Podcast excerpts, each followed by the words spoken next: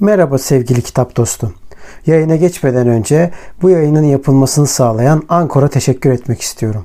Ücretsiz olan Ankor, podcast'inizi doğrudan telefonunuzdan veya bilgisayarınızdan kaydetmenize ve düzenlemenize olanak tanıyan araçları mevcut. Ankor, podcast'inizi sizin için dağıtır. Böylece Spotify, Apple Podcast ve daha pek çok yerde sesiniz duyulabilir. Üstelik minimum dinleyici olmadan podcast'inizde para kazanabilirsiniz. Tek bir yerde podcast hazırlamak için ihtiyacınız olan her şey Ankor'da.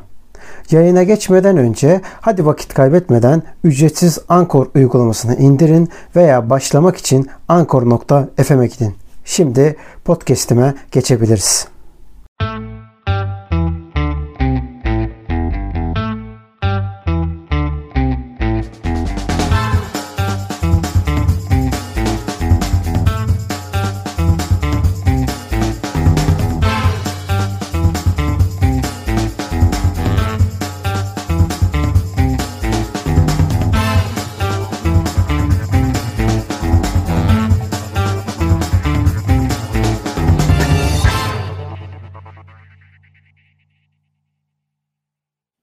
Selamlar dostlar. Ben kitap dedektifi. Kamera arkasında her zaman olduğu gibi uçan salyangoz. Selamlar. Bugün her hafta yaptığımız gibi bir sinema filmiyle karşınızdayız. 12 Öfkeli Adam. Ben Uçan Salyangoz'a sözü vermeden önce her zaman olduğu gibi önden bir filmi özet geçeyim. Sonra onun görüşlerini merak ediyorum. Birçok notları var. Şimdi 12 Öfkeli Adam Amerika'da 12 jüri üyesinin bir cinayet karşısında mahkemenin sonucunu etkileyebilecek bir karar almasıyla alakalı olarak mahkemenin hemen sonrasında verilen ara neticesinde içeride bir odada sadece bir odada yani tek çekim aslında ya tuvaleti de sayarsak iki çekim diyebiliriz. İki çekimlik bir alanda yaklaşık olarak bir buçuk saatlik bir filmden bahsediyoruz. Bu filmin aslında hem mahkemenin adaletiyle alakalı, daha doğrusu mahkemelerin, sadece bir mahkemenin değil, devletin adalet anlayışıyla alakalı ve aynı zamanda insanların adalet anlayışıyla alakalı sorgulamaları iten bir sahne. Peki üst senaryoda ne var? 12 farklı sınıflardan gelmiş kişiler var. Kent yoksulları, aynı zamanda küçük esnaf, işte emekli birisi, yaş almış. Bunun yanında beyaz yakalı olarak yönetici kadrosu, bir kapitalist var, patron, bir yine orta sınıf diye tabir edilen sınıfsal karşılığı yok ama yani emekçi diyelim. Emekçi olan bir kişi var. Kent yoksulluğuna biraz daha yakın. Öte tarafta diğer altı kişi de farklı sektörlerden. Ama bir kişi var ki bu da mimar oluyor. Bu mimar diğer kişileri ikna etmeye çalışıyor. Peki neden ikna etmeye çalışıyor? Bu katil zanlısının aslında bir katil olmadığını, ne kadar baskıdan dolayı ve polislerin onun üstüne ki Amerika'da dedektif diyorlar. Dedektiflerin çocuğun üzerinde yapmış olduğu baskıdan dolayı kabul etmeyeceği bir şeyi kabul edip babasına öldürdüğünü itiraf ettiğini iddia ediyorlar. Ama bu mimar diyor ki bu arada neden sınıflardan bahsediyorum? Çünkü filmde aslında filmin sonundaki iki karakter haricinde ki filmin son bir dakikasında geçiyor bu. En sonki bir dakikasında. Onun haricinde kişilerin ne olduğuna dair hiçbir bilgimiz yok. Sadece mesleklerini biliyoruz o kadar. Hatta ahbap adamım cam kenarındaki kenarda oturan falan şapkalı diye çağırıyorlar birbirlerini. Mesela o yönünde çok iyi. Bu yönüyle de biz onları kendi yerimize koyabiliyoruz. Yani kurgu inanılmaz güzel bu açıdan. Zaten IMDB puanı olarak dünyanın en çok izlenen gelmiş geçmiş en iyi 250 filminde birinci sırada oluyor ve genellikle de her sene ilk üçün içinde oluyor. Ama ağırlıkla %90'da birinci sırada yer alıyor. O kadar da iyi bir film. Yani aslında mimarın diğer kişileri tek tek ikna etmesiyle işin ama fenası şu. O mimarın diğerlerini ikna ederken ki kullandığı yöntem. Elbette bir pazarlama yöntemi olarak düşünebiliriz ama öyle değil. Aksine bir teşhir üzerine giden bir filmden bahsediyoruz. Yani diyor ki ben diyor emin değilim ama emin olmamak bile %50 ihtimaldir o kişinin katil olmadığına dair. Sonuç itibariyle diyor eğer suçluysa ölüm cezasıyla cezalandırılacağı için ve bu kişinin 18 yaşında bir çocuk olmasından dolayı ben bunu diyor vicdanen kabul edemem. Ve bu vicdan sorumluluğu beni diğer kişileri ikna etmeye zorluyor. Ancak diğer kişiler ne yapmaya çalışıyor film boyunca? İşte kapitalist olan şirketimde diyor bir sürü makine çalışıyor. Ben yokken de hiçbirisi çalışamaz diyor. Öbürü geliyor diyor ki benim diyor dükkanım vardı dükkan boş durmayacak. Öbürü diyor ki benim diyor maçım var diyor. Maça diyor yetişmem lazım diyor falan. Dolayısıyla herkes kendi sınıfının konuşmalarını gerçekleştiriyor. Ama en sonunda hepsi tek tek ikna oluyorlar. İşte filmin özeti bu. Spoiler vermeden diyeceğim ama zaten inanılmaz derecede eski bir film. Siyah beyaz bir film. Ama buna rağmen tabii sesin olduğu siyah beyaz dönemlerde. Yani sessiz bir film değil. Özellikle biz bu arada Türkçe izledik ama ben altyazılısını tavsiye ederim. Yani o vurgular, o tonlamalar, o mimikler, ışık açıları falan büyüleyici yani. Biz zaten evet, onu ilk, şimdi iz- sende. Buyur. e, ilk izlediğimizde zaten altyazılı diye hatırlıyorum değil mi? Evet biz ilk izlediğimiz öyleydi. Evet. Şey, Yıllar önce izlemiştik bu arada onu da belirtelim de. Yani şimdi tekrar Tabii izledik. tabii aynen. Ya film ilk önce şey mahkeme salonunda başlıyor ve e, karar aşaması çocuğa odaklanarak başlıyor. Yani o jüri üyesi kalkarken çocuğun yüzüne odaklanıyor kamera ve çocuğun yüzünde bir telaş, gözlerinde bir telaş var.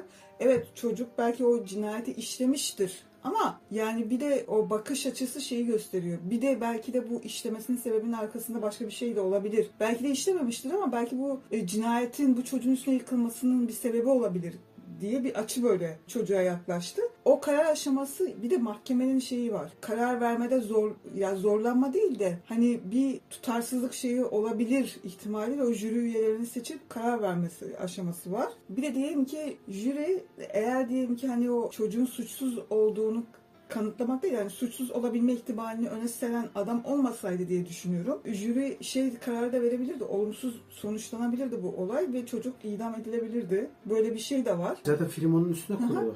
Tamamen Ya, onun üstüne aynen. kurulu. Ya aslında şeyi anlatıyor. Evet bir mahkeme, bir anayasa şeyi var. Bu kimin elinde olduğuna bağlı. Birazcık o da var işin içinde. Yani eğer iyi yönetimin elinde olursa bu mahkeme iyi yönde gidebilir. Haklı demokratik kararlar alabilir. Evet. Ama demokratik kararlar kimin elinde ise o demokratik kararlar neye göre alınacak, neye göre o şekilde olacak. Bir de bu yönü var işte. Burada mesela devamlı şeyde jüri devamlı tartışma alanında bir tezat içinde. Kendisiyle tezatlığa düşüyor, ar- karşıdaki kişiyle tezatlığa düşüyor. Ondan sonra yaşadığı olayları birleştirdiği şeylerle tezatlığa düşüyor. Katilin işlediği cinayetin ya haklı veya haksız çıkartma yönleriyle tezata düşüyor. Devamlı bir tezatlık var böyle. Ben burada bir dipnot geçmek istiyorum. Şimdi bakıyorum şeylere sen konuşurken. Reginald Rose senaristin adı Hı hı. ve Wikipedia bilgilerine göre söylüyorum. Amerikalı film ve televizyon yazarı tartışmalı sosyal ve politik konularda da filmler yapıyormuş bu kişi. Hmm. Dolayısıyla bunu da dipnot olarak ekleyelim. Başka filmlerini de izlemek lazım bence. Evet evet. İnanılmaz güzel. Bak bahsettiğin özelliklerle birlikte inanılmaz güzel bir senaryo yazmış. Bu tezatlıklar resmen içeride hem kişilerin kendi içindeki Çıkar, diyalektiği aynen. Hem de e, topluma karşı yani orada hep toplumun simgeleri olarak düşünsek o bireysel hı. temsilciler olarak diye düşünürsek kendi içlerinde yaptıkları tezatlıkları da gösteriyor. Yani hem toplum hem birey hem kendi içinde hem dışarıya karşı yani Evet. farklı farklı söylersek eğer bunların hepsi aslında şeyi gösteriyor. Toplumun nasıl da zıtlıkları kendi içinde barındırdığını gösteriyor. Mesela orada çocuğun katil olduğunu ısrarla belirten kişi veya kişiler devamlı yaşlı adama bir hak verme şeyinde. Yaşlı adam yani kanıt mesela o şey kimdi? Mimar. Mimardı değil mi? Evet mimar. Haklı çıkarmaya çalışan yani Evet, bu mimar. olabilir, suçsuz olabilir şeyini söyleyen. Mimar o. evet. Mimar mesela devamlı çocuğun haklı hani çocuğun cinayeti işlememe olasılığını öne süren deliller sürerken karşı taraf ısrarla yaşlı adamın evet gidebilir, hızlı gidebilir. İşte e, çocuk koşarken onu görmüş vesaire. İşte kadın cinayeti görmüş. Tren geçerken son iki vagonun aynasından yansımış. E, ısrarla mesela kadının gözlük taktığını, e, bunun görmesinin zor olduğunu bir de yatağa yatarken bir insanın gözlük takabilme ihtimalinin çok az olduğunu. Çok azdır yani. Kim yatağa girerken gözlük takabilir ki? Çok nadir olarak takılır bir şey. Yani e, seçilir diyelim. Buna rağmen hala ısrarla çocuğa hak vermeyip kadının, yaşlı kadının ifadelerine ya da yaşlı adamın ifadelerine hak verme durumu var devamlı olarak. Ve bir de bir şey var mesela kent yoksullarının yaşadığı mahallelerde mesela devamlı bu e, 12 öfkeli adamlardan işte birkaçı onlara devamlı şey yapıyor. Kent yoksulları şöyle işte bu mahallelerde böyle cinayetler oluyor. İşte böyle e, bıçaklanma olayları, serserilik, bilmem ne, uyuşturucu, kaçaklık, bilmem fahişelik falan derken Evet. Bir yandan kentleşmenin o çığlığını yükseltiyor kendi sesiyle. Bir yandan da o kentleşmenin çığlığını yok sayıyor. Evet. Böyle bir tezatlık da var ortada. Evet. Mesela aynen. o zaman yani çelişkiye düşüyor yine bu şey yönünden. Defalarca mesela filmin Evet. başındaki kendi çocuğuyla olan Evet evet o zaten sahne var mesela. O kendi çocuğunu kendine saygısızlık yapıyor diye tamamen dışlamış. Onunla görüşmemiş. Artık irtibatı kesmişler onunla. Konuşmuyorlar. Ama öte taraftan da kendi çocuğu 9 yaşında bir kavgadan kaçtı diye onu pataklamış mesela. Pataklamıştan bize dövmüş. ders veriyor. Ve yani. sonra o çocuk ona saygısızlık yaptı diye bu sefer de vay nasıl yapıyor bana bu saygısızlığı falan diyor. Yani dolayısıyla mesela orada da bir tezatlık Evet. var. Senin dediğine ek olarak söylüyorum. Zaten filmin en sonunda da bu tezatlık öyle bir noktaya geliyor Öfke. ki aslında işte o bahsettiğin öfke filmin sonunda filmin başında aslında kabul ettiğini gösteriyor şeyi. Adamın mimarın anlattıklarını kabul ettiğini ama kişisel hırslarından dolayı bu durumu inkar ettiği ortaya çıkıyor. Aslında apaçık hatta bundan dolayı da en son adam giderken yüzünü hiç mimara dönmüyor. Bu arada yine bir dipnot daha geçeyim. Neden mimar? bir şeyler inşa ettiği için mi? Evet. Aslında orayı inşa ediyor. En baştan Yani inşa ediyor. mantıklı. Sıfırdan inşa ediyor. Yani şu Evet. anda fark ettim bu arada bunu söylerken. Mesela saat tamircisi var. Saat tamircisi şu anda çok olmayan bir meslek ama çok titiz bir Ay evet ya ben meslektir. Mesela oradaki adamın kibarlığı, titizliği, e, onun yansıtmaları zaten karakterler Evet, inanılmaz. 12 muhteşem adam demek lazım yani Evet. böyle. Hadi güvenliği de say 13'te. Hani güvenliğin bile oturuş falan böyle şey. Yani böyle ondan sonra o bile öyle bir sahne falan yani dolayısıyla da her biri ayrı bir jest mimik dediğim gibi tam olarak sınıfını şey yapıyor. Mesela kent yoksulu bir adamın başlangıçta o sinirlenmesi. Sen ne diyor? Hem de başlangıçta aslında kendi de katildir o çocuk demesine rağmen. Peki neden diyordu katildir? Çünkü kendi de o sınıftan geldiği için yapabilir diyordu. Aslında o kapitalist adamın çıkıp da o katildir şundan dolayı yapar. Sebebe de gerek yok kardeşim. Orası çünkü hani yoksulların bölgesi. Ne olacak ki? Vurur, öldürür. Herhangi bir sebebe gerek yok diyor. Ve hiç kimse onu dinlemiyor. Arkasını dönüyor ama filmin başlangıcında herkes öyle konuşuyordu aslında. Evet evet. Dolayısıyla öyle bir noktaya geldi ki en sonunda onu bile dinlemez oldular. Herkes sırtını dönmeye başladı ona. Yani. İşte bir de burada mesela bir çocuğun neden cinayet işlediği. Evet hadi diyelim ki cinayeti işledi. Hrant'ın Bu- örneği Ha, veriyordu bu arada aynen. biliyorsun. Evet Raquel evet Dink'in- benziyor zaten. Raquel Dink'in söylediği söz var ya bu kaç defa tekrar oldu. Ölüm yıl dönümü de yakın olduğu için. Yani ondan dolayı da tekrar oldu ama mesela şey söyledi aynısını. Bizim Yasin de söyledi aynısını. Bir bebekten katil nasıl olur? Evet. Yani bunu ha, işte böyle olur. Yani Böyle. şey olarak mesela bunu bu şekilde kabullenmek topluma kolay mı geliyor? Bir şey yoksul bir kentteki yoksul da olması gerekmiyor yani. Normal bir çocuğun neden bir cinayet işlemesi sorgulanmıyor da bu cinayeti işledi, işlemedi şeyi sorgulanıyor. Yani toplumda direkt böyle bir şey var. Devletin o üstüne düşen görevleri yerine getirilmemesi arka tarafa atılıyor. O görmezden geliyor. Aslında toplumun yaptığı da şey bu. Kendi kendine kendini şey yapıyor. Evet, Em, evet. e, görmezden geliyor gibi bir şey Evet, oluyor. evet. E, çocuk suç işlemiş. Bunun bir nedeni olması gerekiyor. Ne? Neden Kırmızı, ne? kırmızı pazartesi gibi. Eğitim O var ya sistemi mi? Kırmızı Pazartesi kitabı. Buradaki sahne gibi. Yok konu olarak hep böyle bu metaforu verirler yani o yüzden söylüyorum. Ortada bir cinayet var. Herkes biliyor bu cinayetin işleneceğini. Herkes katilin de kim olacağını biliyor. Evet. Ama ona rağmen hiç kimse bir şey yapmıyor. Ya da Türkiye'den örnek verip somut olarak verip orman yangınları ne zaman çıkacağı biliniyor. Nasıl çıkacağı biliniyor. Nasıl büyüyeceği biliniyor. Nasıl söndürülmeyeceği ya da nasıl söndürüleceği biliniyor. Ama buna rağmen hiçbir şey yapılmıyor. Evet. Ve sonunda yangın olunca da vah diyor gitti diyor gördün mü diyor falan böyle. Hadi diyor yakanı diyor yakalayalım diyor. Ya da diyor işte bunun sebepleri kimler diyor. Orada diyor yaşayanlar diyor sorumludur diyor falan böyle. Enteresan yani. Yani enteresan bir şekilde bir de toplumun körleşmesi gibi bir şey var. Evet. Yani kendi kendini körleştiriyor. Karanlık şeyi bilerek gidiyor ya. Böyle bir sıkıntı var yani toplumda. Evet. Cehaleti bilerek kabul etmek gibi bir şey var yani. Bu evet birazcık o kabul etme e, cehaletin getirdiği de bir şey. Ama o cehaletin getirdiği şeyden hiç çaba harcamadan tekrar o cehalete geri dönmek gibi bir şey var yani. Çok ilginç bir şey. O adamın kendi çocuğuna güya kendince iyi şeyler öğretmek için ders vermesi, işte sen nasıl kaçarsın işte erkeklik şeyini aslında bir Evet. yandan yediriyor içine. Evet. Sen nasıl saygısızlık edersin gibi şeye giderken kendisi de kendi o 12 öfkeli insanın içindeki o en yaşlı adama saygısızlık ediyor. Evet. Ve bu zaten o orada En son mimara da Hı? söyledi. Evet. Bir insan seni öldürürüm dediği zaman ille de Aha, öldürür aynen. müsün sorusuyla alakalı olarak e tabi işte öyle demiş ya öldürür o zaman diyor. Evet. Sonra sinirlenince ben seni öldürürüm diyor.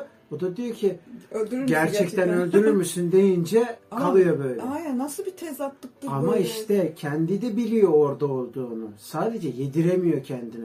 Zaten filmin en sonunda adam ceketi, mimar ceketi o adama verdiği zaman herkes terk edip gidiyor ve o adama veriyor. Verirken o adamın onun yüzüne bile bakmamasının sebebi o. Evet, herkes arada hemen gösterelim. Körlük. Buyurun kırmızı kedi. Bu şeyden o kitapta da zaten buna benzer bir metafor olarak anlatıyor. Bu arada zamanı gelince o kitabı da işleriz. Özellikle herkes pandemiyle mesela şey yaptı, bağlantı kurdu ama halbuki buradaki körlük oradaki körlük değil yani. Buradaki körlük yani bir salgın anlamındaki bir körlük değil aslında. O metafordu tamamen. Ee, buradaki körlük toplumun körlüğü anlamında Evet, evet. söylüyordu yani. O, bu tam olarak onu anlatıyor Diğer türlü zaten çok saçma olur yani. Evet. Metafora bile körlüğü verilmesi bana göre çok saçma bir şey de. Yani körlük ismini verilmesi. Benim verdiğim de aslında normal bir şey değil ama insan bazen doğru kelimeleri bulamıyor. Bu da biraz sıkıntı yaratıyor. Benim açımdan yani. Bir de şey var. Çocuğu savunan avukatın çocuğu bilerek aptala yatıyor. Yani avukat aptala yatıyor. Çocuğu bilerek savunmadı. Çünkü böyle bir konuda avukat o kadar aptal olması gerekiyor ki bu çocuğun suçsuz olduğunu anlayamasın. Böyle bir durum da var yani. Ama Orada. şundan dolayı orada. Tamam işte onun nedeni. O nedeni yani şu şeyde mesela Türkiye'de de vardır bu. Politik olan insanlar çok iyi bilirler bunu bu arada. Haberlerden olsun, kendi özel yaşamında olsun vesaire ya da ne bileyim işte bir kira ödemedi diye bile bu kara insanlar hapse girdiği zaman ille de politikte olmasına gerek yok. Bir avukat devlet tarafından atanır. Bu zaten yasada var. Yani dünyadaki hemen hemen bütün hukukta da geçerlidir bu. Ya bazı istisnalar var tabii ki ve orada zorunlu olarak gideceği için hiçbir geliri yok bununla ilgili. Dolayısıyla da zorunlu olarak. Yani bir askerlik gibi bir şey yani. Zorunlu olarak gidiyor. Hiçbir karşılık yok. Aslında hukuk, hukuk için gidiyor orada. Ama hukuk için gidiyor ama para kazanmadığı için ondan sonra "E, hukuku batsın diyor. Şimdi diyeceksin ki e kardeşim hukuku batsınsa o zaman niye avukat oldu? Abi, İşte yine tezatlık nerede? Para.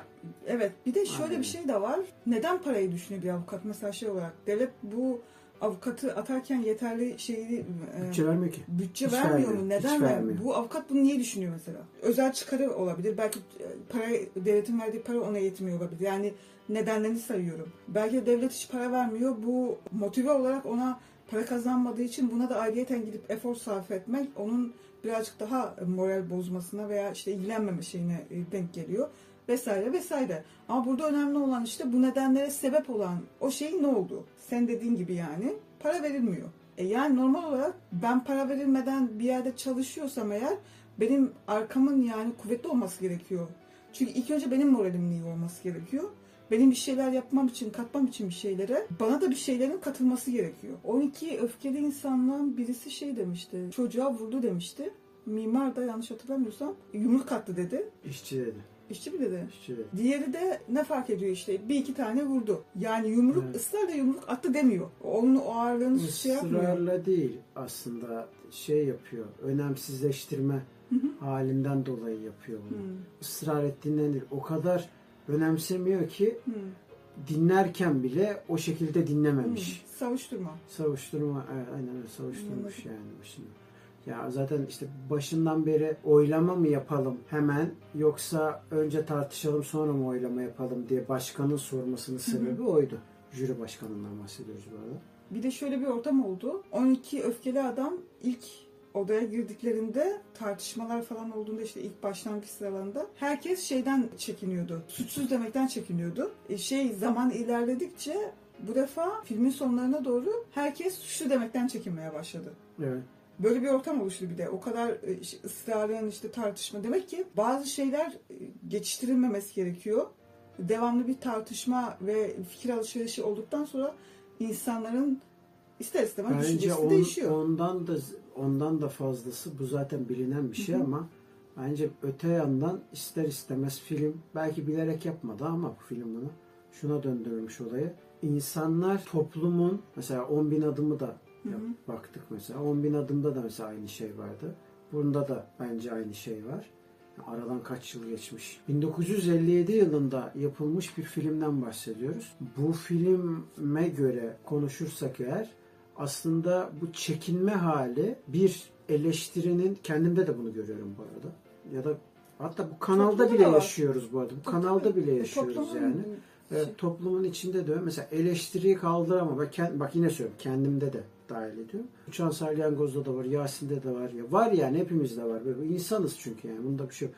Toplum acaba bize ne diyecek yapıyoruz yani. Ya da işte böyle dersek çevreden nasıl bir cevap gelir acaba diye. Bak 10 bin adım 2021 yapım bir film 1957 57. dedik. Kaç yıl geçmiş arada. Ve buna rağmen yani buna rağmen yani ciddi bir sayıdan bahsediyoruz. Şey yapamıyorsun. Yani arada hiçbir fark yok aslında.